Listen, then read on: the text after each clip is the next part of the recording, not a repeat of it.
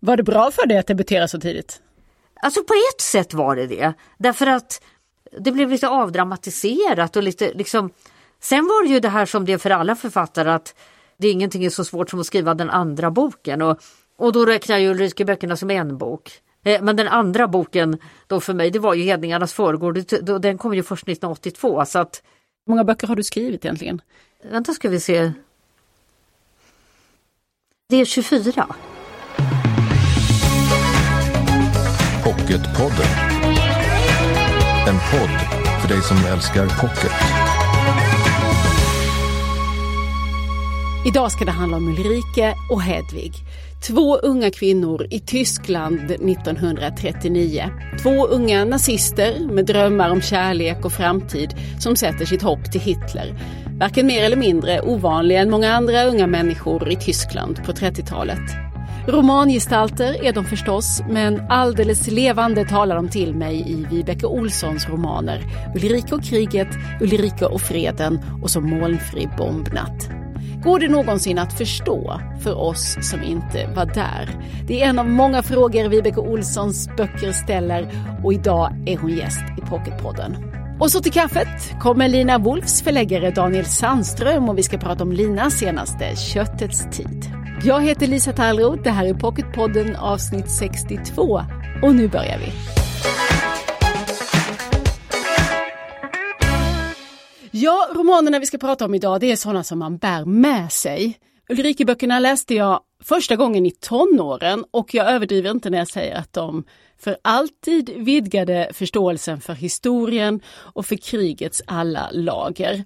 Här får vi följa Ulrike i München, en tysk skolflicka som så gärna ville bidra till folkgemenskapen. Och sen har jag också här på bordet Molnfri bombnatt. I den romanen får vi följa en annan ung kvinna, Hedvig, i Mainz. Och här växer historien om livet i Tyskland före, under och efter kriget och hela vägen in i författarens egen samtid. De här skrevs på 90-talet och kom då första gången 1995. Och de här böckerna, Ulrikeböckerna och Målfri bombnatt, de har ju fått både priser och många läsare och det är många kloka lärare som har satt de här i händerna på sina tonåriga elever. Och nu, 75 år efter krigsslutet som det är i år, så finns de i nya pocketutgåvor redo att vandra vidare och läsas om. Välkommen hit Vibeke Olsson! Tack! Det är ju mycket som är märkvärdigt med de här romanerna, tycker jag. Och en märkvärdig sak med Ulrikeböckerna, de kom ju som ungdomsböcker 1975, ganska många år sedan nu. Men det är att de har inte åldrats överhuvudtaget, för nu när jag läste om dem så är det som att de Alltså de är precis lika starka och lysande som de var då. Det tror jag inte gäller någon annan ungdomsbok från 70-talet som jag har stött på. Ja det tror jag nog i och för sig. Men du, ännu märkvärdigare, det är ju att du själv faktiskt bara var tonåring när du skrev Ulrike-böckerna. De kom ut när du var 17 år och blir ju då starten på ett väldigt långt och oerhört produktivt författarskap. För idag är du över 60 och har skrivit massvis med böcker och romaner. Men det var här det började och jag är ju himla nyfiken på hur kom det sig att de här böckerna kom till? Som många tonåringar så hade jag en period när jag var fanatiskt intresserad av andra världskriget. Eh, och det är ju många tonåringar som är. Och jag tror att det kanske beror på att i tonåren så brottas man mycket med de här frågorna om livets mening. Och andra världskriget är ju fortfarande får man väl säga det värsta som har hänt mänskligheten. 55 miljoner döda, förintelsen med minst 6 miljoner dödade judar plus romer och andra som drabbades. Den största etniska rensningen i historien, över 12 miljoner tyskar fördrevs till exempel. Att räkna upp katastroferna och lidandet under andra världskriget blir, ja det är ju omöjligt. Eh, och jag tror att många unga människor då brottas med den här frågan, finns det något som håller efter Auschwitz? Finns det något man kan tro på, någonting man kan hålla sig till? Och då när jag var tonåring på 70-talet då var det ju dessutom väldigt nära i tiden. 30 år sedan bara, Just det. Inte så konstigt att mina föräldrar ständigt pratade om kriget har jag tänkt på nu på senare år och, och jag har ju också tänkt på det i ett nytt ljus nu i samband med coronapandemin. Alltså den stora ovissheten, den stora dödsångesten, att hela tillvaron ställs på vänt. För mina föräldrar då, de levde ju i Sverige så de drogs ju inte in i kriget men det kunde man ju inte veta. När som helst kunde det ha hänt och i sex år så ställdes framtiden på paus. Jo, då när jag skrev Ulrika, då var det det här som var bakgrunden då, att jag var väldigt intresserad av andra världskriget och skakad av det. Och det låg nära, för det var ju min barndoms onda sagor så att säga. Och eh, det jag grubblade över var hur kunde det komma sig att människor blev nazister? Hur var det möjligt? Det var det som var frågeställningen som jag brottades med. Sen fanns det kvar en fråga hos mig. Ulrika är ju en tonårstjej som inte vet vad som verkligen händer. Så att det fanns kvar en fråga hos mig. Hur var det med dem som verkligen visste? Och det är det som 20 år senare då blev Molnfri Bobnatt. Hedvig får ju veta vad som faktiskt händer. Saknade du då det här perspektivet som du tar, nämligen att skriva om en, en så att säga en, en, vanlig tysk eh, flicka, en vanlig nazist, en av alla dessa som, ja. som trodde på Hitlers eh, drömmar som han målade upp? Det finns ju några fantastiska böcker som ligger på gränsen mellan ungdomsböcker och såna här bokslukar-åldersböcker. Jag tänker på Lisa Tetzner. De hade ju några år på nacken redan när jag var tonåring med de här Vi i 67 och Var Paul skyldig och Alltså det tar sin avstamp i en hyreskasern i Berlin. Och så är det några som blir nazister och några är ju judar och drivs på flykt. Och, alltså det är fantastiska böcker och de, de brottas ju verkligen med det här. Så att visst finns det. Och, eh, men det är ju ett perspektiv som inte har varit så vanligt. Det är därför man undrar hur en 15, 16, 17-årig flicka som du var under åren du jobbade med böckerna kan komma åt det här. Hur gjorde du det? Ja, bland annat läste jag ju naturligtvis som Lisa Tetzner, men sen läste jag ju mycket facklitteratur om själva kriget. Eh, och så läste jag ju naturligtvis Stig Dagermans Tysk höst och Sista breven från Stalingrad. Och så jag läste ju mycket för att samla fakta och få liksom en, vad ska man säga, en bild av den inre relation till det. Eller, så, sen tror jag ju att det på sätt och vis är lättare när man är väldigt ung därför att man är Tonåringar är ju ofta lite mer våghalsiga på alla möjliga områden, på gott och ont så att säga. Så att eh, det här att jag tror att om jag skulle ha börjat med Ulrikeboken idag så skulle jag nog ha grubblat mycket, kan jag verkligen eh, leva mig in i det här och så. Det, det, på något sätt hade jag inga sådana hämningar utan jag försökte. Du är ju uppväxt i en skrivande familj. Du ja. nämnde dina föräldrar, det är ju två berömda författare och journalister. Din pappa Jolo, Jan-Olof Olsson och din mamma Margareta Sjögren. Ja. Som ju också har intresserat sig för den europeiska historien eh, och krigen. Vad spelade de för roll i det här? Alltså det spelade nog en stor roll för att man är ju naturligtvis formad av, av sin bakgrund. Eh, nu var det ju tyvärr så att pappa dog ju så tidigt så att han fick ju aldrig vara med när Ulrikeböckerna kom ut utan han dog ju när jag var 16 år. Han han hann inte läsa dem? Nej. Som manus ens? Lite grann. Han hjälpte mig med researchlitteratur så han visste ju att jag höll på med det. Han dog på valborgsmässoafton 1974 och det har ju naturligtvis präglat mig. Det finns ett väldigt bra uttryck i, i Västerbotten att man kan tvärgamlas och det, det gjorde jag. Kom det in i de här böckerna, Ulrika och kriget och Ulrika och freden, där just den där erfarenheten ju såklart drabbar Ulrike också? Alltså ja det gör det ju. Förluster. Hon förlorar ju hela sin familj.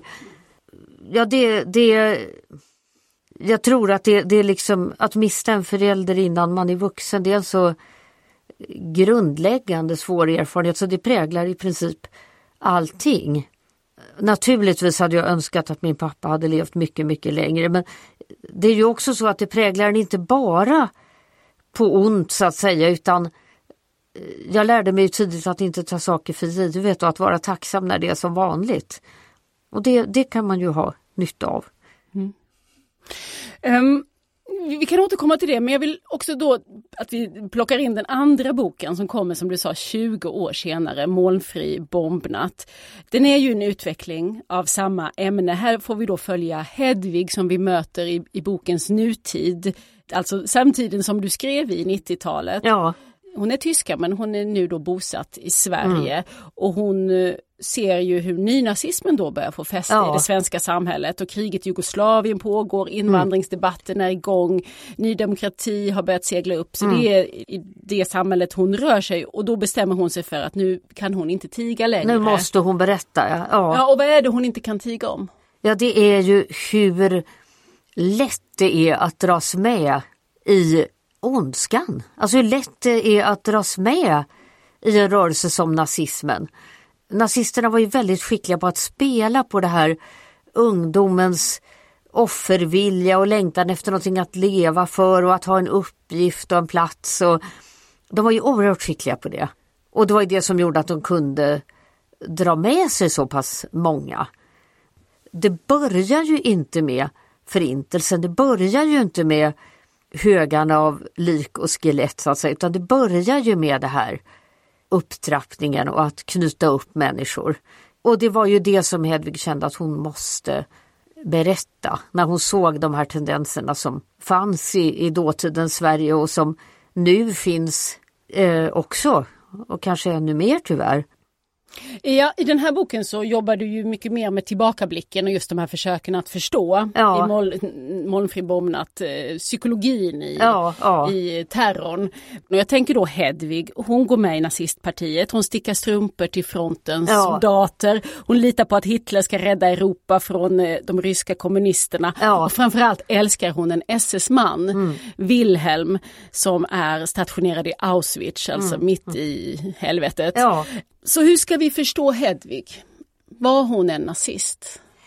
Ja, det, det måste man ju säga att hon var så tillvida att hon gick med i nazistpartiet och stödde regimen så att säga. Men hon har ju egentligen ingenting emot judar. Hon förstår inte det här varför man ska betrakta judarna som fiender. Hon försöker ju hjälpa den judiska grannen fru Michaelis när judar inte får gå till skyddsrum så hon har inte något personligt emot judar och hon förstår inte det här eh, varför man ska ha det. Det hade varit lättare om fyren hade sagt att vi skulle hata fransmän för det som boende i renlandet det kan hon förstå eftersom historien är full av de här gränsstriderna mellan Tyskland och Frankrike. Det skulle hon ha kunnat köpa så att säga men judarna kan hon inte förstå vad, eh, varför man ska ge sig på. Men hon, men hon tänker ju då liksom att ja men de vet nog, regimen vet nog eh, bättre och så vidare och så vidare. Och sen det här som man ju har hört att många har berättat från den här tiden att när man hörde om riktigt svåra saker och övergrepp och så så tänkte man om fyren visste om det här skulle det inte hända. Wenn der Führer das sa man. Och det eh, är är hjärtskärande på något sätt för att det var ju han som låg bakom alltihopa men det kunde eller ville man inte se. Och när hon då är gammal och redan efter kriget och efter hon får veta vad som har hänt så, så funderar hon ju väldigt mycket på sin skuld, Ja. Hedvig. Skuldfrågan. Ja, Och en, ett resonemang hon har det är om skulden blir större eller mindre för att man lider Ja, och känner. Berätta, hur tänkte du kring det här? Jo, alltså många gånger när man pratar om andra världskriget och nazismen så har man haft för mycket fokus på de som är, vad ska man använda för uttryck, patologiska sadister. Alltså de här som gärna plågade fångar och, och njöt av det och, och som inte hade några skrupler eller någon medkänsla. Och sådana människor finns. Det finns i alla samhällen. Eh, och skillnaden är ju att i en demokrati så blir de kriminella, i en diktatur så blir de regimens perfekta verktyg. Men det här är ju inte de flesta människor utan de flesta människor är ju tänkande varelser och man brottas med vad är rätt och vad är fel och så vidare. Och då de som var så att säga vanliga människor med, med allt det här gott och ont som ryms i varje människas hjärta och som av olika anledningar blev nazister. Är deras skuld större just därför att de inte var sådana här sadister som njöt av att plåga andra utan, utan var vanliga människor och gick på det här och kände tvivel på en del saker men av rädsla eller plikttrohet ändå fortsatte liksom. Ja, det är ju rädslan som hela tiden eh, är det vi återkommer till som Ja. gör att man inte kommer någon vart. Ja, och det är jätteviktigt att komma ihåg även när det gäller dagens diktaturer. Alltså den här otroliga rädslan att aldrig kunna veta om grannen är en angivare. Att aldrig kunna veta säkert att det inte sitter en mikrofon i väggen. Ulrika är ju stolt över att hon har lyckats ange, lyckats ange sina grannar. Alltså det är viktigt att komma ihåg att priset för att göra motstånd var ju så fruktansvärt högt, oftast själva livet. Och det, det får man liksom inte glömma. Och naturligtvis visste ju regimen vad de gjorde när de, de sätter igång med förintelsen när kriget är mitt i sitt mest intensiva skede. När i stort sett alla tyskar känner någon och ofta har någon när, nära och kär person som har stupat vid östfronten. Ransoneringarna börjar bli kännbara och eh, det är flyganfall mot de större städerna så att människor är utmattade av oro, sömnbrist, matbrist. Och då, då sätter man igång. Men vi får ju följa då, eftersom dina huvudpersoner är tyskar, de bor ju i München och i Mainz, så vi får ju följa hur de flyr ner i skyddsrummen medan de eh, amerikanska och brittiska bombplanen far över städerna och bombar ju. Tyskland bombades ju hårt. Sönder och samman Sönder och samman. Och där sitter de och, och ser människor dö omkring sig. Men det är ju den här skuldfrågan och mm. vem är offer och vem är förövare. Ja. Eftervärlden har ju varit väldigt ockuperad av den. Och framförallt kanske har man varit eh, väldigt inriktad på att tyskarna var förövarna. Men vad tänker du kring det här? Är Hedvig ett offer eller en förövare? Hon är väl i och för sig både och måste man säga. Men hon är ju framförallt ett offer. För att hon, eh, när hon får veta vad som faktiskt hände så har hon nästan inga möjligheter att göra någonting. För att skulle hon ha spritt ut vad som hände, då hade ju hennes, hennes älskade då Wilhelm, då hade ju han blivit avrättad. Det var ju vid dödsstraff förbjudet för SS-männen att yppa för någon vad som pågick i förintelselägren. Däremot ett vanligt missförstånd angående det här som kan vara viktigt att nämna det är ju att många SS-män sa ju efter kriget att de var tvungna att fortsätta med det här annars blev de dödade. Så var det inte. Man kunde när som helst begära förflyttning till fronten och bli en mer vanlig soldat så att säga. Det, den möjligheten fanns. Det var naturligtvis ingen, inget eh, jättetrevligt alternativ men det fanns i alla fall ett alternativ. Men vad som däremot var belagt med dödsstraff det var att berätta vad som pågick. Eh, och när Hedvig då får veta då, hon är ju inträngd i ett hörn kan man säga. Vad ska hon göra? Men hur ska vi se på det här medlöperiet som ju Hedvig är? Eh, hon är ju en medlöpare ja, i Hitlers eh, Tyskland. Och, och, man får ju den känslan av att det är för sent. När, när ljuset har gått upp för henne är det för sent ja, det att göra det. någonting. Ja. Vad har man då för ansvar? Ja, alltså det finns ju alltid ett mänskligt ansvar. Och i Hedvigs fall är det ju det här som finns i det här kapitlet som heter Spetsmarmeluckerna när hon ser judar deporteras. Då vet hon ju ännu inte helt liksom hela vidden av det men hon ser ju att man knuffar upp människor på en lastbil och eh, för iväg dem. Och det är klart att det kan man ju tänka att varför reagerar man inte mer? Alltså det finns ju alltid den ett moraliskt ansvar, ett mänskligt ansvar. Däremot så, så i juridisk mening så kan man inte säga att Hedvig har gjort någonting så att säga. Hon har inte liksom själv dödat någon eller så, på det sättet. Men, men där, det finns ju alltid ett moraliskt ansvar och det gäller ju även oss som lever i en demokrati i och för sig. Var går gränsen? Jag menar, vi vet att oskyldiga tonåringar deporteras till Afghanistan och det pågår ju.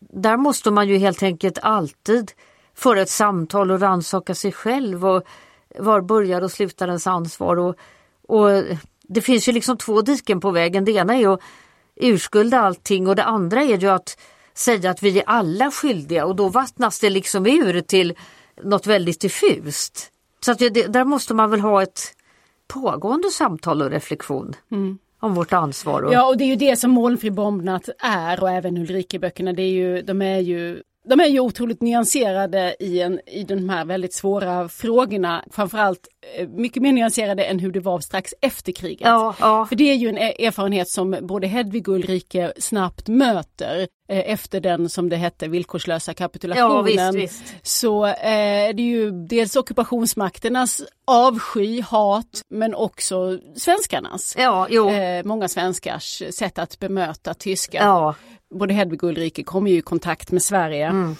Det där hatet mot tyskarna efter kriget, var det oförtjänt tänker du? Ja, alltså det är lätt att förstå. För att när man såg bilderna från förintelselägren, det var ju en fruktansvärd chock. Men, men det var ju oförtjänt därför att många tyskar var ju helt oskyldiga så att säga. och man, man får inte glömma att 12 miljoner tyskar fördrevs. Eh, 6 miljoner tyskar dog i kriget varav 3 miljoner civila. Eh, och sen alla de här våldtäkterna som begicks av US Army och Röda armén och eh, systematiska våldtäkter som dödade eh, kvinnor och ödelade livet för de som överlevde. Och, och så det här bombkriget som ju man verkligen kan ha synpunkter på. Eh, för att man hade kunnat satsa mer på att bomba järnvägslinjerna till koncentrationslägren istället för att bomba civilbefolkningen. Och, eh, Storbritannien hade ju som policy att vi ska bomba civilbefolkningen så att den tyske soldaten inte har någonting att komma hem till. Det måste man väl ändå säga är en krigsförbrytelse. Sen kan vi aldrig komma ifrån att det är Tyskland som startar kriget och anfallet på Sovjetunionen 22 juni 1941 är väl den mest monstruösa våldshandlingen i historien. En miljon soldater väljer helt oprovocerat in i Sovjetunionen och mördar i en, ja, en omfattning som man aldrig tidigare har skådat. Det kan man ju aldrig komma ifrån. Men man kan ju inte säga att alla tyskar är, är personligen skyldiga till det här så att säga, utan de är ju också offer. Så att man måste ju försöka nyansera bilden av vad som hände samtidigt som det är lätt att förstå att omvärlden efter kriget levde i chock över det här, vad som faktiskt hade pågått. Ja, den här till synes då oöverbryggbara bristen på förståelse, Mm. den, den är ju den som plågar Hedvig hela livet. Hon kan ju aldrig riktigt dela sina minnen och sina upplevelser, Nej. inte med sin svenska man som annars står henne otroligt nära, eller egentligen med några människor som inte upplevt kriget och precis där efter krigsslutet så, så får hon chansen att komma till Sverige. Men känner ändå att hon måste tillbaka. Hon måste tillbaka till Tyskland Ja, just det. trots matbristen, trots ruinerna. Ja, ja. Jag var tvungen att resa hem om jag skulle överleva, tänker hon.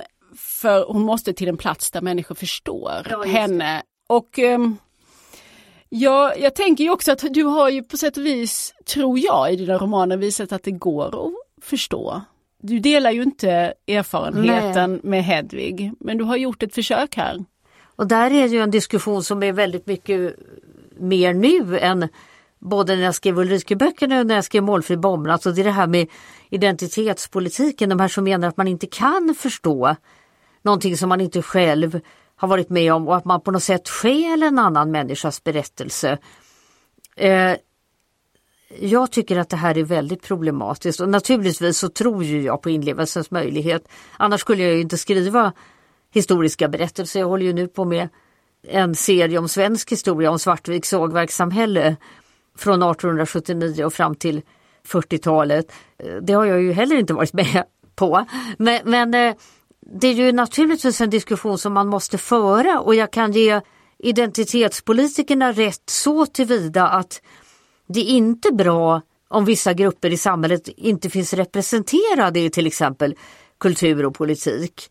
Eh, det är viktigt att afrosvenskar och nya svenskar och hbtq-människor och vad det nu kan vara finns representerade i olika sammanhang. Så långt kan jag hålla med.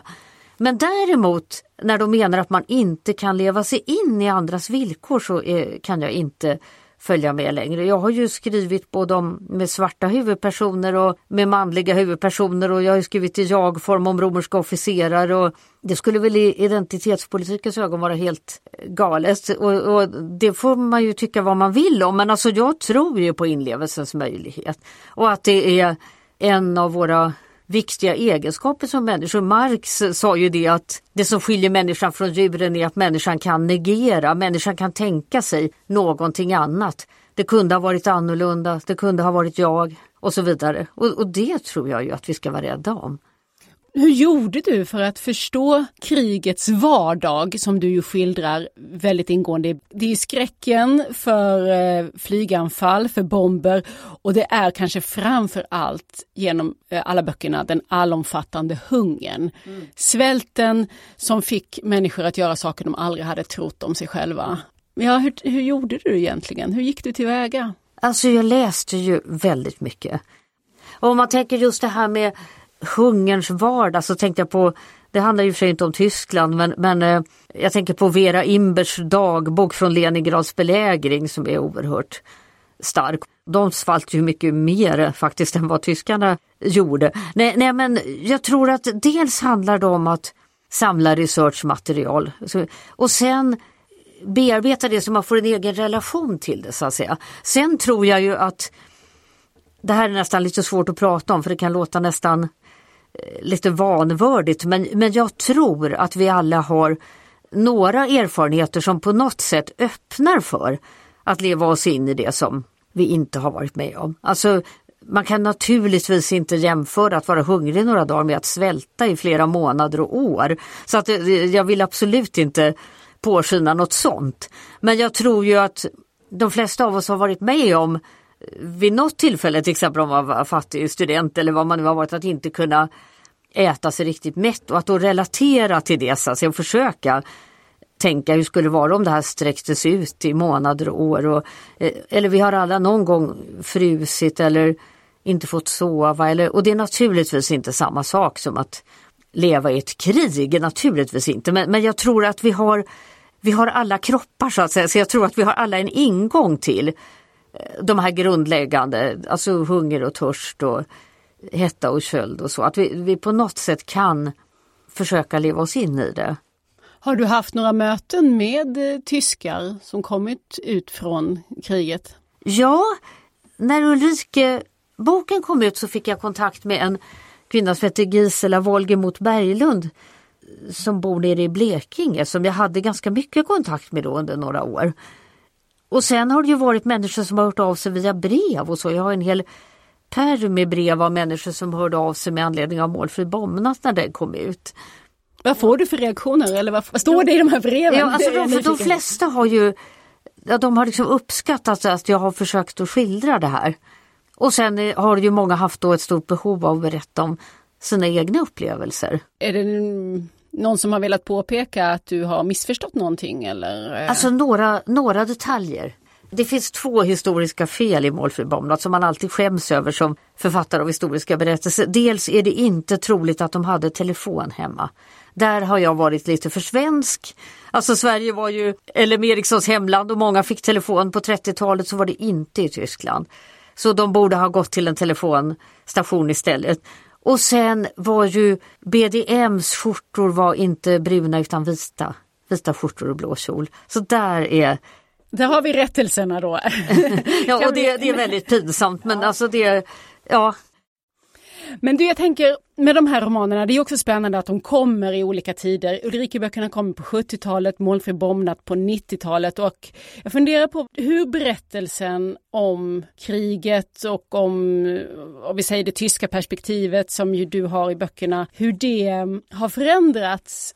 Va, vad tänker du själv? Har det, finns det andra historier om kriget idag än vad det fanns på 70-talet, säg? Ja, idag har ju ändå det här med till exempel bombkriget och våldtäkterna lyfts fram lite mer. Det var ju väldigt undanträngt på 70-talet. Och likaså när det gäller förintelsen, jag menar jag höll ju på att läsa allt jag hittade om det här så att jag visste ju att till exempel romer och hbtq-personer och Jehovas vittnen och här, drabbades av förintelsen. Men det var många som inte hade en aning om. Det är mera känt idag. Så att där har det blivit en mer att man pratar om olika aspekter av kriget tror jag nu.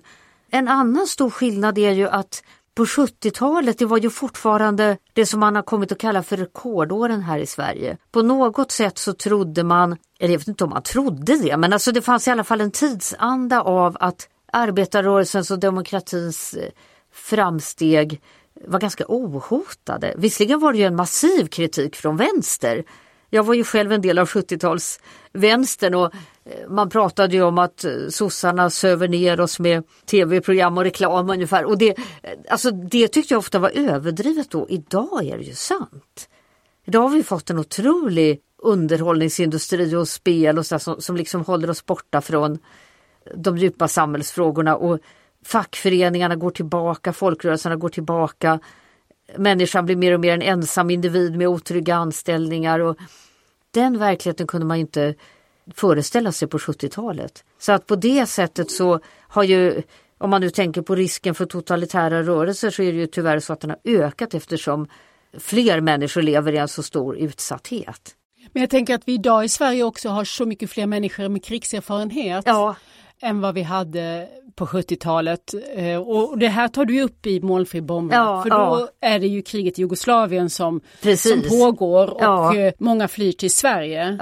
Vad tror du, har, har de här, den här invandringen, har den förändrat synen tror du på, på krigsflyktingar? Och, Ja, Ä- än vad det Hedvig mötte när hon kom till Sverige ja alltså på det 40 50-talet? kanske, ja, kanske finns en större förståelse för krigstrauma och det skulle jag kunna tänka mig, just som du säger flyktingarna från Jugoslavien och sen nu på senare år då alla från Syrien och Irak. Och, men sen får man ju inte heller glömma att då på 70-talet då var ju fortfarande samhället fullt av både tyskar och, och judar och finländare inte minst som verkligen hade krigserfarenhet. Och jag, jag vet, jag kommer ihåg finländska tonårskompisar som berättade om hur deras pappa vaknade och skrek på nätterna. Och, alltså kriget var ju så nära i tiden. Men, men jag tror nog att invandringen som vi har haft ändå har gjort att det finns en annan medvetenhet om det här. Och det, det är ju också lite tidsandan att man ska prata om trauman och man ska få behandling. Det var ju ingen som tyckte på 40-talet utan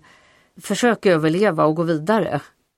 Men om man då har tillhört eh, den, den förlorande sidan som man får ju säga att eh, Hedvig och Ja. Ulrika har gjort som tyskar. Mm. Så, så det som, som framförallt Hedvig då under sitt långa liv i Sverige, hon lyckas ju aldrig, ja ingen av dem lyckas ju förklara Nej, varför de var nazister. Nej. Eller ens erkänna att de Nej. var nazister för att de känner att det här kommer ingen, ingen förstå. kommer att förstå. Nej. Och vad är det vi, vi inte har förstått då?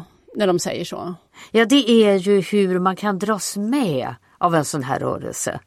Och, och jag tycker att i tv-program och så ofta att man uppehåller sig för mycket vid det här ofattbara grymheterna. Det, det är klart att man måste berätta om det.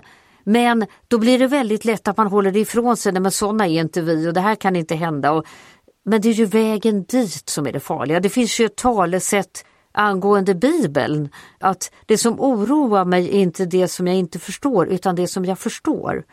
Och det tycker jag man skulle kunna tillämpa angående det här. att Det, det mest oroande är inte det som vi inte förstår, den patologiska ondskan, utan det som vi faktiskt kan förstå.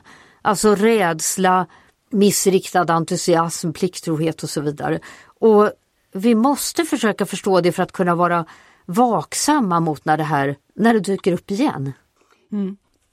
Det är 75 år sedan nu, Ja. freden. Det här glider ju bort i, i tiden Ja. och eh, du sa att du som tonåring var besatt av andra världskriget. Det händer kanske fortfarande att en och annan tonåring Ja, det tror jag. blir besatt. De här men- som kan alla flygplanstyper. Och, ja, jo, det Precis, finns. men jag tror att de är färre Ja. eh, och blir färre. Det är också någonting som blir mer och mer abstrakt. Eh, är det så det måste vara eller vad tänker du om det? Mm. Alltså det är ju alltid så att tiden går och eh, saker och ting kommer på avstånd. Det går ju inte så att säga att undvika men, men alla vi som är intresserade av historia har ju ett ansvar att försöka hålla det levande. Och det gäller ju inte enbart andra världskriget utan det gäller ju historien överhuvudtaget. Och som det jag håller på med nu med eh, folkrörelserna och det moderna Sveriges tillblivelse att komma ihåg vilken kamp det var för arbetarrörelsen till exempel att kämpa för fackliga rättigheter och för demokrati och rösträtt. Och till exempel det här att, att frikyrkan gick i bräschen för demokrati, att den är demokratins vagga i Sverige, det är ju väldigt bortglömt idag. Sen när det kommer mer på avstånd så kan det ju också innebära en, ibland en större möjlighet till inlevelse, att man vågar gå in i det mer så att säga. Därför att andra världskriget har ju varit så otroligt traumatiskt och det har funnits så många människor eh, mitt ibland oss som har haft otroliga djupa sår från kriget och det är klart när det minskar, när både förövare och offer inte så många lever längre så, så kan det ju också bli att man vågar se på det på ett djupare sätt. Det, det, det, behöver inte bara vara negativt att, att det kommer mer på avstånd. Hur känner du inför eh, det här ämnet och den här tiden nu? Det, har du fortfarande frågor som, som pockar eller? Ja, alltså det kommer man nog alltid att ha. Alltså det återstår väl fortfarande det här. Hur kunde det vara möjligt? Hur kunde det gå så här långt? Alltså den frågan blir man ju aldrig färdig med. Fast du har försökt att besvara den ja. i, i de här romanerna. Det har, det har ja. Om Ulrike och om ja. Eh, eh, Hedvig i Målfri bombnatt. Men tycker du inte att du har riktigt kommit i mål med den frågan? Jag tror aldrig man kommer riktigt i mål. Eh, men man måste försöka. Mm. Man bär ju med sig slutscenen i Ulrike, ja. böckerna länge. När hon bygger sitt liv på en lögn så att säga. Ja, och så det... hur går det för Ulrike då? Ja, ja, jag tror tyvärr inte det går så bra. Så jag, jag tror ju att Ulrike försöker leva ett liv som liksom bara är på ytan. Funderade du på att skriva någon fortsättning om ja, alltså, Ulrike? Alltså jag funderade nog på det. Men då var det så att då tog det över det här frågan om vad, vad, hur var det med de som faktiskt visste, alltså som Hedvig då. Eh, så då, bara året efter Ulrikeböckerna så försökte jag skriva en roman om Wilhelm. SS-löjtnanten som Hedvig ja, ja, förälskar sig Men alltså det växte mig över huvudet. Jag, jag, var väl för ung och sen var det andra saker jag pluggade och sådär. Så och, och så var det att jag kunde inte hitta berättarperspektivet. Utan då var jag inne i någon sorts socialrealistisk period att jag ville liksom skriva utan för mycket reflektion utan det skulle vara väldigt behavioristiskt och socialrealistiskt att det blev till slut bara att människorna gick omkring och bräkte och, det, och, och det, det, fungerar inte att skriva om något sånt som förintelsen på det sättet. Och, och jag skrev ett stort manus som jag lämnade in till Åke Rundqvist på Bonniers och, och han, jag fick ett jättefint refuseringsbrev, det fick man ju på den tiden. Eh, jag har fortfarande kvar det här brevet från Åke där han menar att man, det är oansvarigt att skriva om det här på ett så moraliskt indifferent sätt. Och sen så han var ju, Åke var ju en fantastisk person. Så han var ju också en stor psykolog. Så när, när jag var hos honom och fick tillbaka det här refuserade manuset så sa han nu kanske du går hem och träffar en annan kvinna. Och det var ju Kallistrati i Hedningarnas förgård som då hade börjat röra sig lite någonstans i, och på något sätt så förstod han det. Eller Ja, för du har ju skrivit många, många romaner som har utspelat sig under eh, romartiden och ja. antiken. Så det har varit ett annat stort ämne för dig och det finns ju gott om paralleller att dra mellan dessa olika riken, mm. om vi ska kalla det så, eh, det som Hitler ville bygga upp och det som fanns under romarriket. Men eh, det kanske vi ska spara till en annan gång. Ja. Prata om det. Ja, ja. För eh, nu är det alltså Molnfri bombnatt och Ulrika och kriget och Ulrika och freden. De här Ulrikeböckerna finns ju nu i en samlingsutgåva, en ny stor pocket. Tusen tack Vibeke Olsson för att du kom hit. Tack för att du fick komma hit. Pocketpodden. Nu ska det handla om Lina Wolfs senaste roman Köttets tid. Hon fick ju Augustpriset för sin förra roman De polyglotta älskarna som också vann många läsares hjärtan. Men så har hon ägnat sig åt översättning också av Gabriel Garcia Marquez 100 år av ensamhet och det var hon här i Pocketpodden och pratade om i avsnitt 17. Och den kan du fortfarande lyssna på. Men då kom vi också in på Lina Wolfs eget släktskap med den spanska och latinamerikanska romantraditionen. Och jag tänkte Daniel Sandström, du som är Lina Wolfs förläggare på Albert Bonniers förlag, utveckla det här lite grann för oss. Jo men det stämmer ju att Linas eh, romankonst kommer från ett lite annorlunda håll än det gängse i Sverige. Och eh, redan den som läste De polyglotta älskarna eh, kände ju säkert att det här sättet att berätta och bygga upp en berättelse inte framförallt väckte tankarna till annan svensk romankonst utan just liksom en, en internationell romankonst.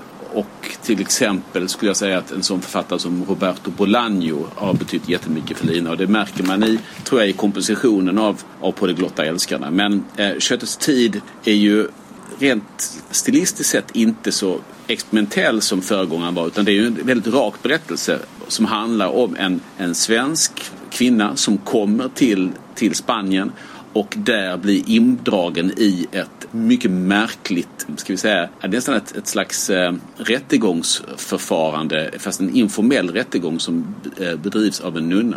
Och jag behöver inte säga så mycket mer än så, men, den är rakare berättad än föregångaren, men den, men den till handlingen och till dess olika eh, ja, dramatiska händelser så, så är den tämligen extraordinär därför att det händer väldigt mycket i den här romanen. Mm. Jag tänker på titeln där, Köttets tid. Då börjar jag fundera på om det finns någon, något motsatsförhållande eh, kött och kropp och själ. Drar det lite åt det andliga hållet den här gången eller religiösa rent utav? Ja, det får man absolut säga att det gör. Alltså, I centrum så, så finns det en, eh, en mirakelgörare som, som eh, heter Lucia, alltså en, en nunna som ställer och väcker frågor om den andliga dimensionen i livet kontra då den kötsliga dimensionen som är helt enkelt som kan handla om kroppen i alla dess olika former. Eh, och, och Lina varierar det här i romanen. Så det, det, finns en tydlig kan man säga, kamp mellan anden och köttet i den här. Som, hur den slutar ska jag inte avslöja men den är, den är ganska drastisk.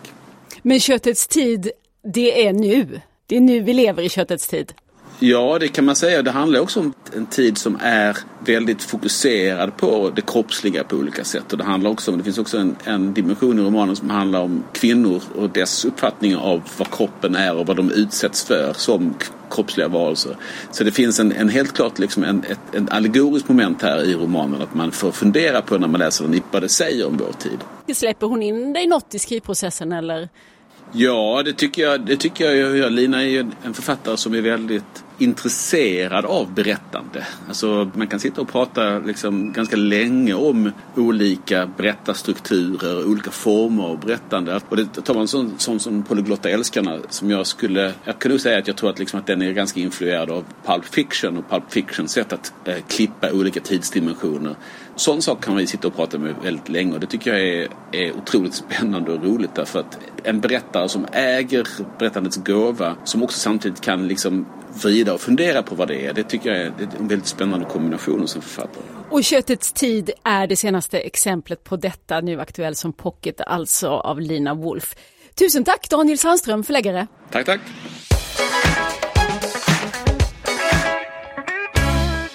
Att vara son till en försvunnen hjälte och själv känna sig som allt annat än en krigare det är berättelsen som Annika Thor ger oss i Odysseus pojke. Annika Thor är en av våra riktigt stora barn och ungdomsförfattare och en fantastisk, ja allålders berättare. Annika Thor är gäst nästa vecka här i Pocketpodden. Se fram emot det och tills dess följ oss gärna i sociala medier. Där heter vi Älska Pocket. Och jag heter Lisa Tallroth. Hej då! Du har lyssnat på Pocketpodden. En podd från Bonnierförlagen.